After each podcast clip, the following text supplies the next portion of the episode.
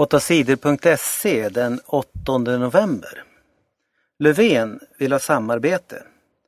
Socialdemokraterna kan samarbeta med alla partier utom Sverigedemokraterna. Det skriver Socialdemokraternas ledare Stefan Löfven i tidningen Dagens Nyheter. Han kan tänka sig att samarbeta med partierna i Alliansen som idag är hans motståndare. Vi måste tänka på ett nytt sätt, säger Stefan Löfven. I förra valet bestämde Socialdemokraterna, Vänsterpartiet och Miljöpartiet att samarbeta. Det gillade inte väljarna, de förlorade valet. Nu tänker Socialdemokraterna annorlunda. Efter nästa val vill Socialdemokraterna vara i regeringen och styra Sverige. För att klara det måste de samarbeta med andra partier. Moderaterna och partierna i Alliansen har tyckt att Stefan Löfven varit feg, som inte talat om vilka han ska samarbeta med. Nu svarar Löfven. Sverige behöver politiker som vågar samarbeta även med partier som är olika. Vi måste kunna glömma bråken. Det är bäst för Sverige i framtiden, skriver Stefan Löfven. Löfven säger att han helst samarbetar med Miljöpartiet, men Folkpartiet, Centern och Vänsterpartiet kan också gå bra. Miljöpartiet tycker att Löfvens tankar är bra. Centern och Folkpartiet säger att de inte vill samarbeta. Sverige krossade Tjeckien i Karjala Cup.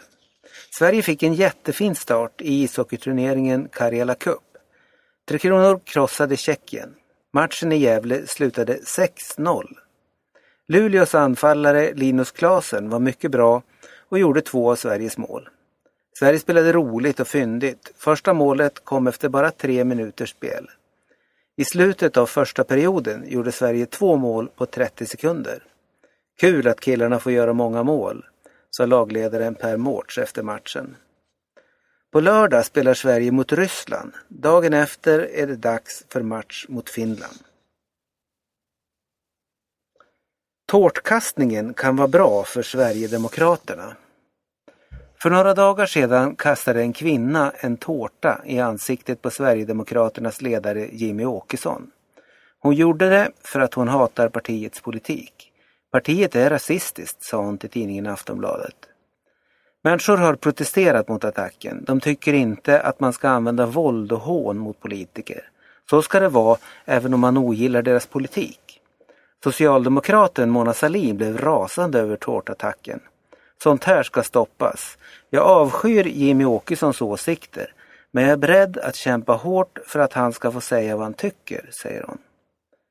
Många experter tror att kvinnans attack kan göra att stödet för Sverigedemokraterna ökar.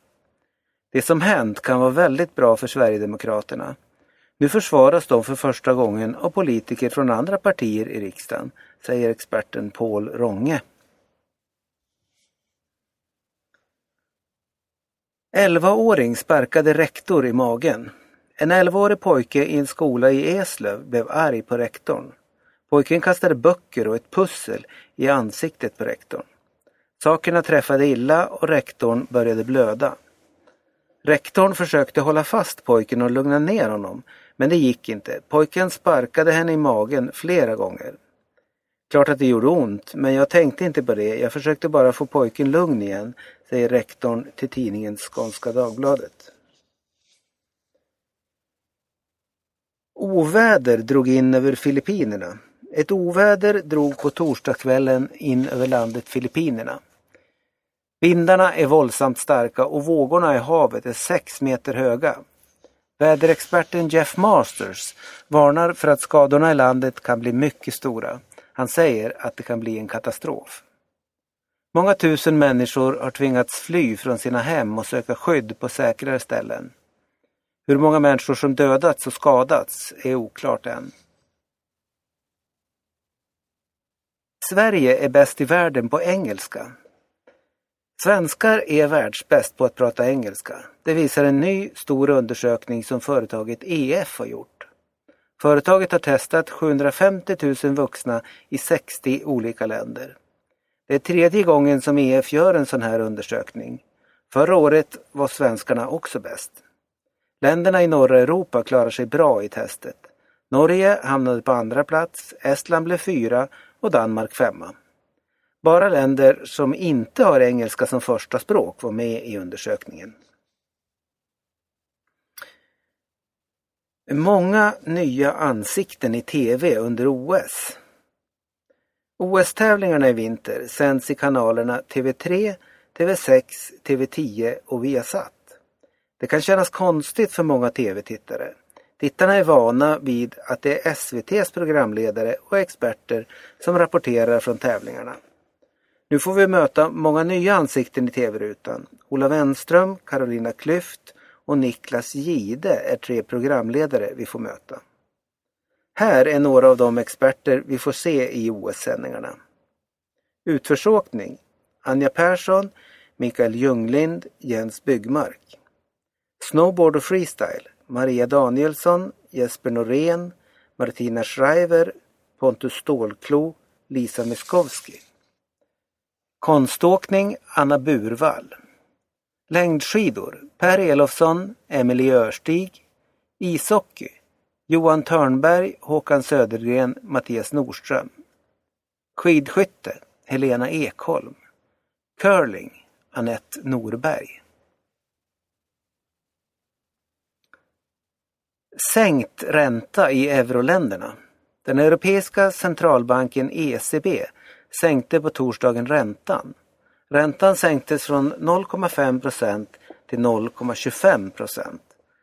Så låg har räntan aldrig varit förut. Det betyder att det blir billigare att låna pengar i de länder som har euro. Det blir billigare både för företag och vanligt folk. ECBs sänkning av räntan kom som en överraskning för många. Men det är dålig fart i ekonomin i EU. Sänkt ränta kan få fart på ekonomin. Den sänkta räntan påverkar Sverige också. Riksbanken sänker kanske inte räntan i Sverige, men det kan dröja längre tid innan räntan höjs och det blir dyrare att låna. Det är bra för alla som har lån. Sex med djur förbjuds. Regeringen vill förbjuda människor att ha sex med djur. Jordbruksminister Eskil Erlandsson säger att förbudet ska börja gälla den 1 april nästa år. Vi vill vara tydliga. Det ska vara förbjudet att plåga djur, säger Eskil Erlandsson.